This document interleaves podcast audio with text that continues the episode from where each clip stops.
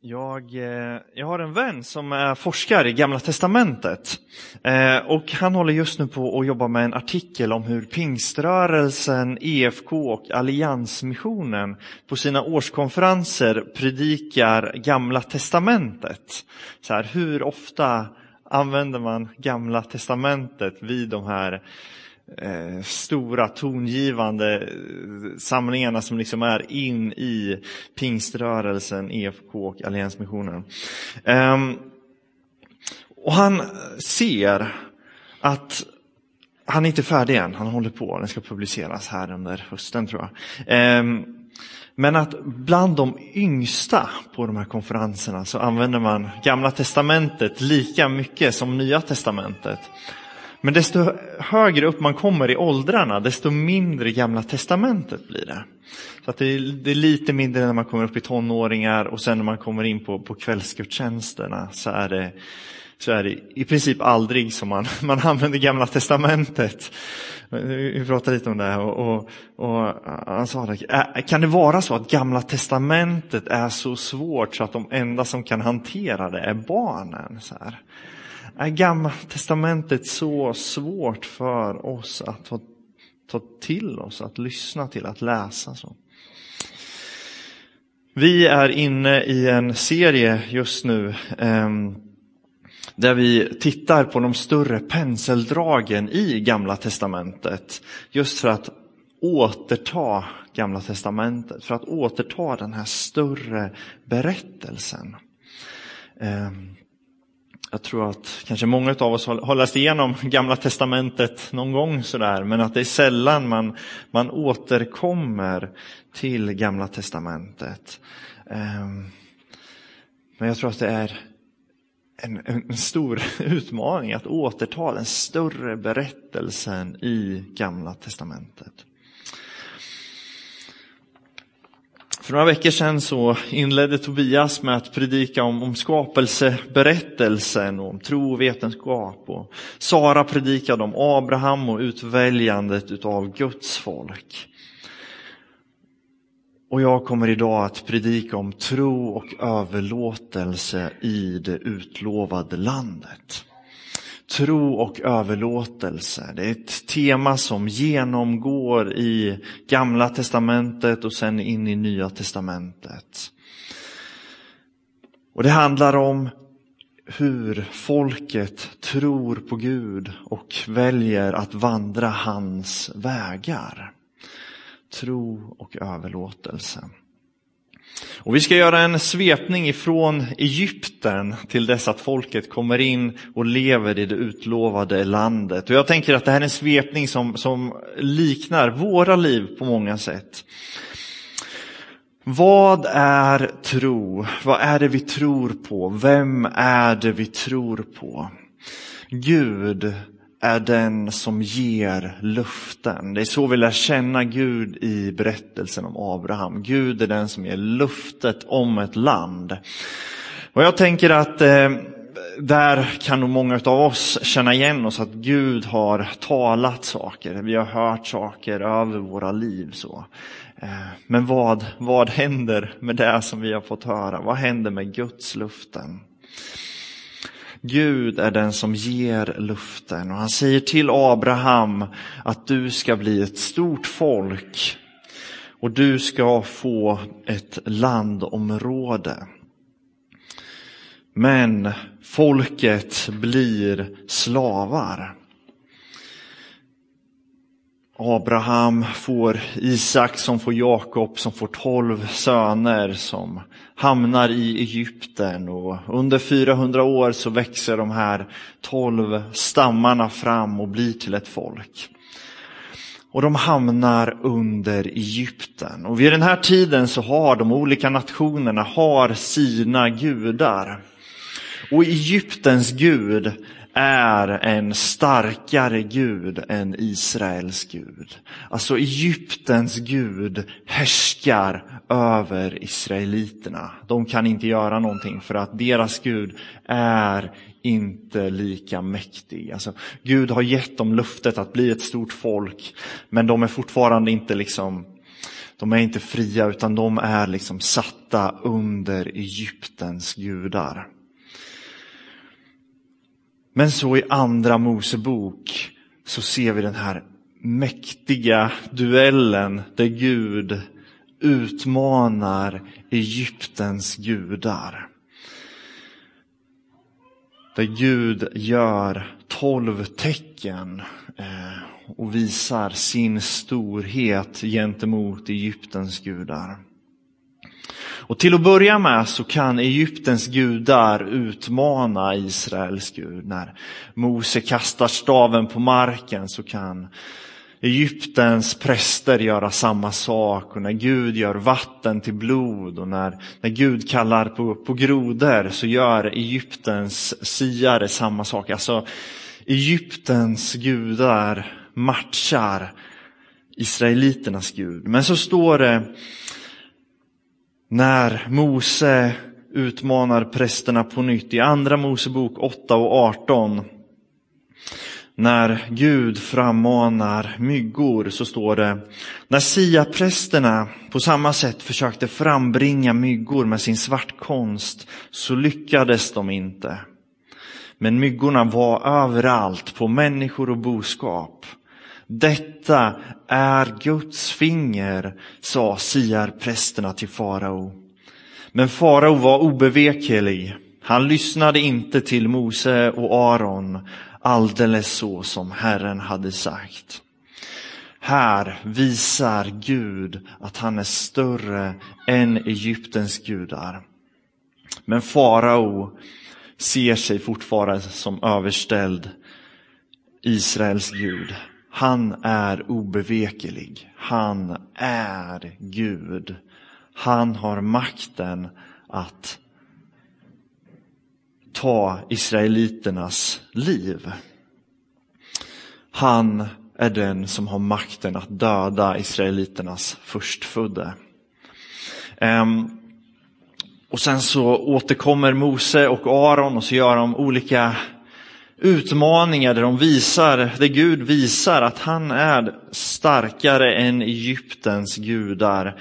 Men först när Gud gör samma tecken som farao har gjort, när Gud utmanar faraos makt, alltså han dödar Egyptens förstfödda på samma sätt som farao hade dödat Israels förstfödda, så låter han israeliterna gå. Så här så är Gud någon mer än den som ger luften. Alltså Gud är också den som befriar folket ut ur Egypten. Han är Gud mäktigare än Egyptens gudar.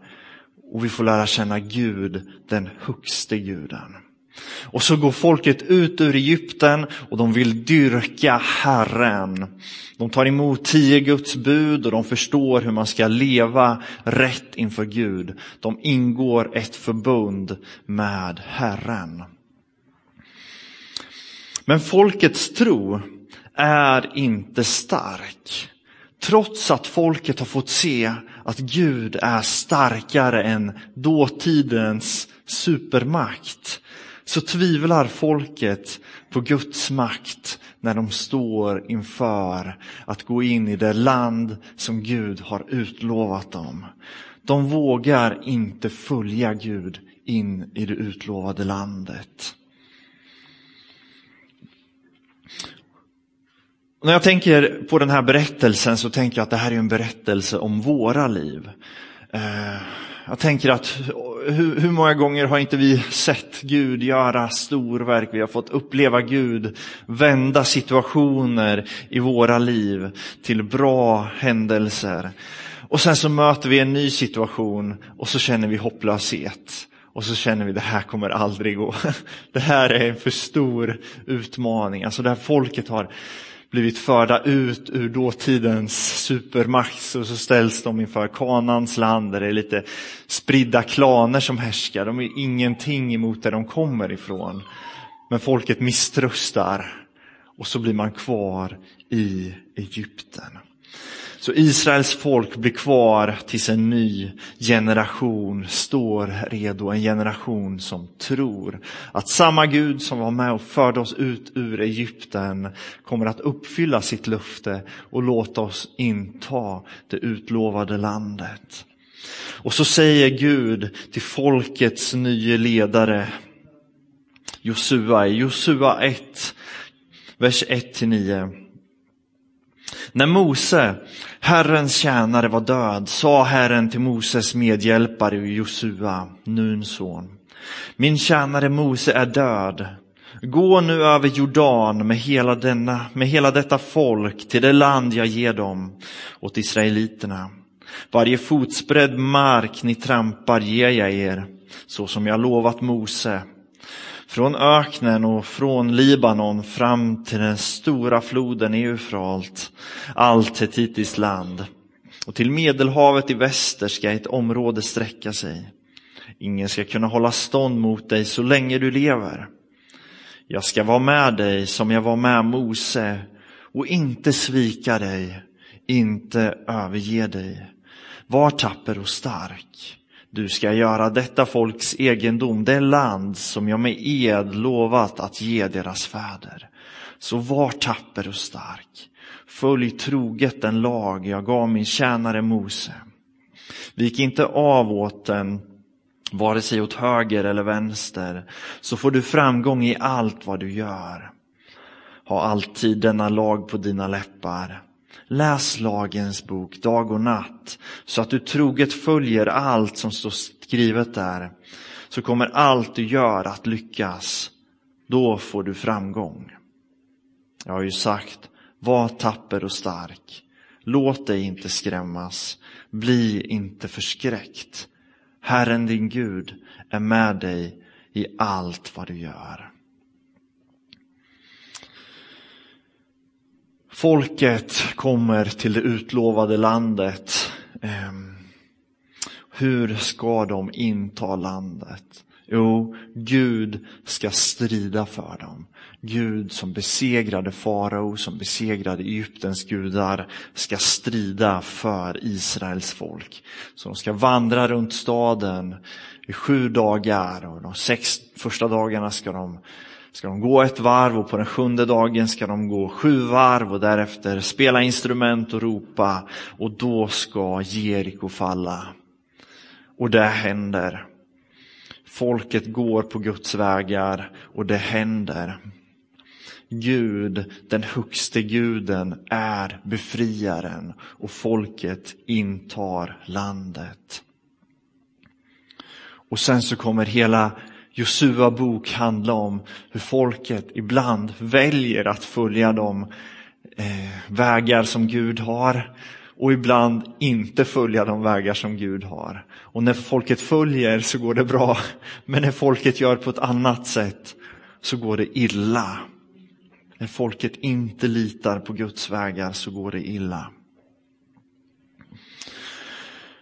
Och till slut så har de intagit stora delar utav den här landmassan som Gud har lovat. Så kommer vi till domarboken och här ställs saker på sin spets. Jag vet inte när du läste Domarboken senast, men Domarboken är ju en fascinerande berättelse med, med många händelser där det framträder olika domar och inte domare som att man är juridiska domare utan mer som kanske klanledare eh, som liksom leder Israel i, i strid mot de andra folken. Eh, och i de här texterna så finns det en del svåra passager. Gud vill att människorna ska vara annorlunda folken som bor i Kanans land. Kananéerna offrar barn till sina gudar. Kananéerna våldtar sina mödrar, sina systrar och sina barn och barnbarn kan man läsa om i tredje Mosebok 18 och femte Mosebok 12 till exempel. Och Guds uppmaning till folket är att vara annorlunda. Gör upp med det här folkets riter. Ta inte efter deras sätt att leva. Och här kommer en hel del texter som är svåra, som gör att jag tror att vi sällan lyfter de här texterna. Eh, där Gud uppmanar Israel att döda invånarna i landet. De ska inte skona någon och ibland ska de inte skona kvinnor och barn heller. Ehm, vi ska inte dyka ner allt för djupt i det idag. Ehm, men det man kan se är att den här genren eh, liknar lite hur Jesus pratar i evangelierna, i hyperboler, i överdrifter. Gud talar i de här texterna i överdrifter. När man till exempel läser Josua 10 så står det om hur hela städer utplånas. Men sen när man fortsätter läsa så kan det stå om de här städerna senare och folket som lever där som är kananéer. Eh, som fortfarande finns på plats.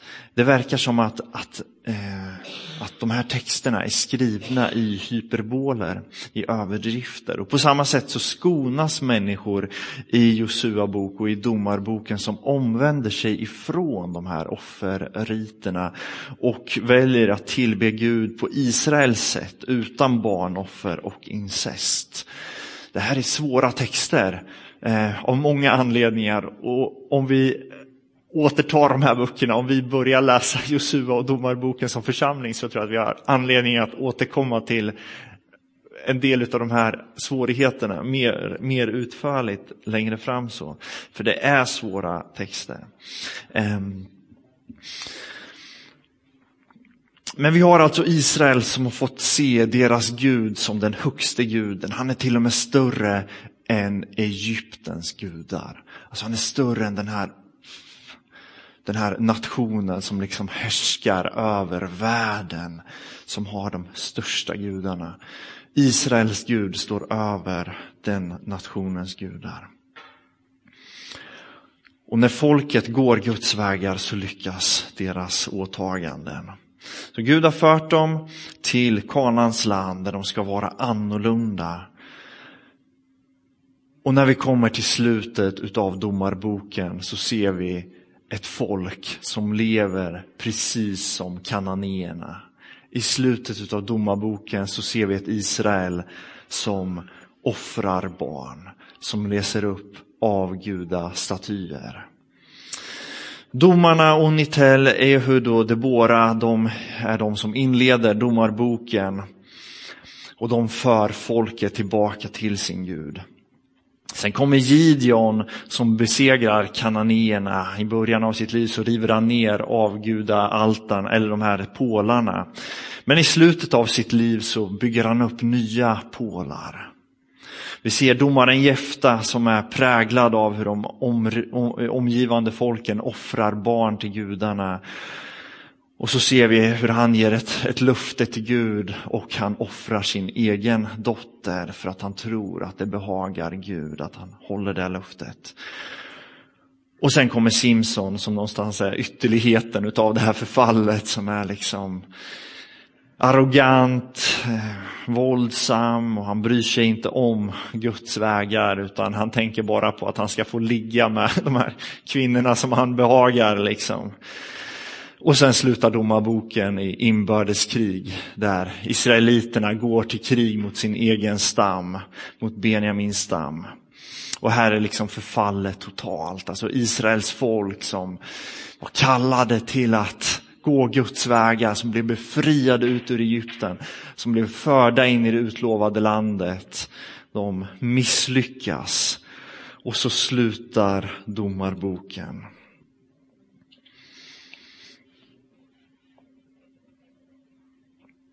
Det finns väldigt lite hopp i domarboken. Det är inte hoppfull läsning. Ehm, det är inte en bok som är skriven för att ingjuta hopp, utan kanske snarare i att visa vårat behov utav goda ledare. Domarboken slutar i Domarboken 21 och 25 med orden På den tiden fanns ingen kung i Israel. Var och en gjorde vad han själv fann för gott. Alltså domarboken är någonstans en, en resa mot det totala förfallet. Och sen avslutas det i summeringen, det fanns ingen kung. Så man kan ju tänka sig att domarboken är skriven inledningsvis under kungatiden i Israel, när man har en positiv erfarenhet av bra, goda kungar, kanske under Davids tid, där man liksom ser att nu har vi en kung, nu är Gud med oss. Ehm. Men så fortsätter vi läsa och så ser vi att samma sak kommer upprepa sig. Det kommer komma dåliga kungar och så är liksom planet sluttande utför igen. Men det finns ett tilltal. Vi behöver en kung. Vi behöver någon som leder oss på de rätta vägarna. Vi behöver en herde som vallar oss, för vi är som bortsprungna får. Vi behöver Jesus. Ehm, inte för att rättfärdiga våra vägar, utan för att hitta tillbaka till Guds vägar. Jag tror att det finns flera anledningar till att vi inte läser Gamla Testamentet så ofta. Jag tror att Gamla Testamentet ofta kan upplevas ganska tungläst, eh, svårläst, långa passager med lagar och regler. Domarboken är ganska rolig läsning. Det händer mycket. Det är spännande om man jämför med, med andra delar av Gamla Testamentet. Men domarboken är svår för att det är väldigt blodigt och för att det sluttar så brant neråt. Men när vi läser de här berättelserna så kopplar vi upp våra liv emot en större berättelse. Och så ser vi att våra liv är ganska lika den här större berättelsen i Gamla Testamentet. Vi vet att Gud har all makt. Vi vet att han vill gott. Han vill föra oss till försoning och till fred. Men vi leder ofta oss själva in i dåliga vanor, dåliga vägar, in i krig och konflikt. Och Israels förfall berodde på att de inte hade den här ledaren. Och vi vet att ingen är den ledaren utom Jesus. Jag tror att vi alla är Simson, Jefta och Gideon. Eh, det spelar ingen roll hur, hur fantastiska gåvor vi är utrustade med, så är det ändå inte tillräckligt, utan vi behöver Jesus. Vi behöver bekänna oss som förlorade människor som inte kan göra de mest grundläggande, enkla sakerna rätt. Utan vi behöver den här kungen. Vi behöver få lägga våra liv i händerna på den här kungen som leder oss rätt. Jesus Kristus. Det finns mycket gott i världen. Det finns mycket fantastiskt. Jag älskar våren. Jag älskar det som händer under våren. Men jag tror inte att människan är god. Jag tror att människan djupast sett är präglad utav mycket dåligt. Människan är fallen. Och människan kommer ständigt att förstöra för sig själv. Hon drivs utav fel motiv. Och för att rädda oss själva så måste vi kasta oss på Gud.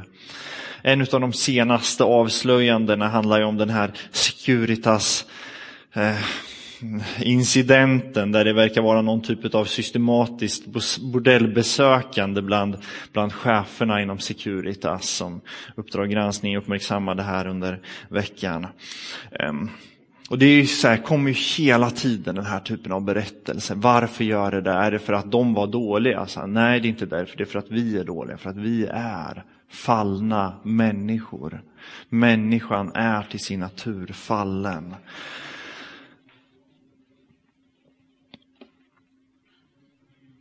Gud utvalde och utrustade människor till att göra de mest fantastiska sakerna. Men trots det så föll människor. Trots det så misslyckades de här domarna. Det är bara en som är annorlunda och det är Jesus. Och han är världens hopp. Han är hoppet för Israel. Det var på den tiden när det inte fanns någon kung. Var och en gjorde vad man själv fann för gott. Jag tror att berättelsen i Gamla Testamentet handlar om tro och överlåtelse. Tro på den Gud som besegrar Egyptens gudar. Tro på den Gud som besegrar eh, Eh, Jeriko och leder folket in i det utlovade landet. Och överlåtelsen handlar om att gå i hans fotspår, att gå på den väg som han leder.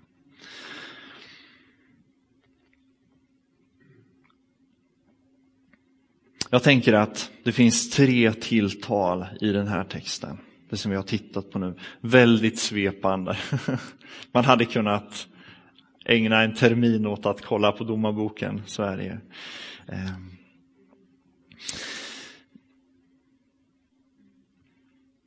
Israel befinner sig inför Egyptens gudar. Ehm. Och kanske finns det någon utav oss som upplever sig stå inför Egyptens gudar. Den här makten som är övermänsklig, makten som är starkare än mina omständigheter. Och så tvivlar vi på, kommer Gud uppfylla sina löften? Kommer Gud göra det han har lovat? Gud besegrar Egyptens gudar. Gud besegrar farao. Och så ser vi i evangelierna hur Jesus besegrar döden. Det är den kristna tron. Och kanske att någon upplever sig stå inför Jeriko. Ehm, Gud har lovat det här. Det här ligger framför mig. Det är hitåt jag ska. Men de är för stora där inne. De är så starka. Jag vågar inte. Eh, hur ska det gå? Vad ska hända?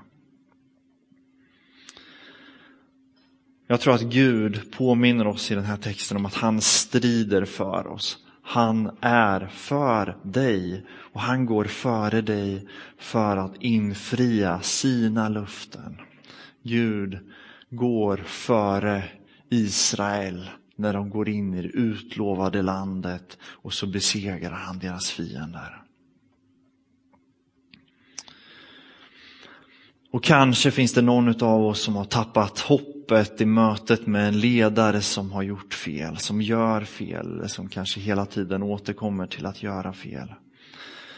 Ehm, jag tror att det finns bara dåliga ledare. Det finns bara en ledare som är god och det är Jesus. Det är bara Jesus som besegrar makterna.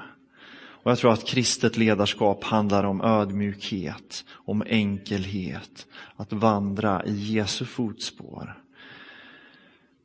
Jag tror att det är ett tilltal till oss att söka Jesus likhet. Att gå i hans fotspår är det enda vi kan berömma oss över. Så för den tid som vi lever i, efter en tid av pandemi, utav förändringar, kanske man står inför livsbeslut, kanske sommaren är oklar eller hösten är oklar eller omständigheter utanför mig personligen, kanske som andra människor står inför, så, så tror jag att Gud kallar oss till att leva i tro och att leva i överlåtelse. Tro på att Gud är den högste guden och överlåtelse till att gå hans vägar. Vi ber tillsammans. Tack Gud för att du är en Gud som, som ger luften för framtiden, som möter Abraham och säger att han ska få bli ett stort folk, Herre. Eh, men tack för att du också är en Gud som infriar luften. Och du ser de luften som du har gett oss, drömmar som du har talat till oss, Herre. Vi ber att vi ska få, få leva i tro på, på dig som den högste guden, som den som befriar. Och att vi ska få leva i överlåtelse, att, att gå på det som vi upplever att du leder oss till, Herre. Vi ber om det. Vi ber om förändrade omständigheter. Vi ber om ett förändrat Rimforsa. Vi ber om förändrade relationer, Jesus. En förändrad värld. Vi ber om en värld utan krig och konflikt, Herre. Och du ser vad som är våran del i det. Jag ber att vi ska få vara ett folk som lever i tro och i överlåtelse till dina vägar. Tackar dig Gud för att du går med oss. Vi ber att, du ska, att vi ska få uppleva din ledning som församling och som individer inför vad du leder oss till, Herre. Vi ber så i Jesu namn. Amen.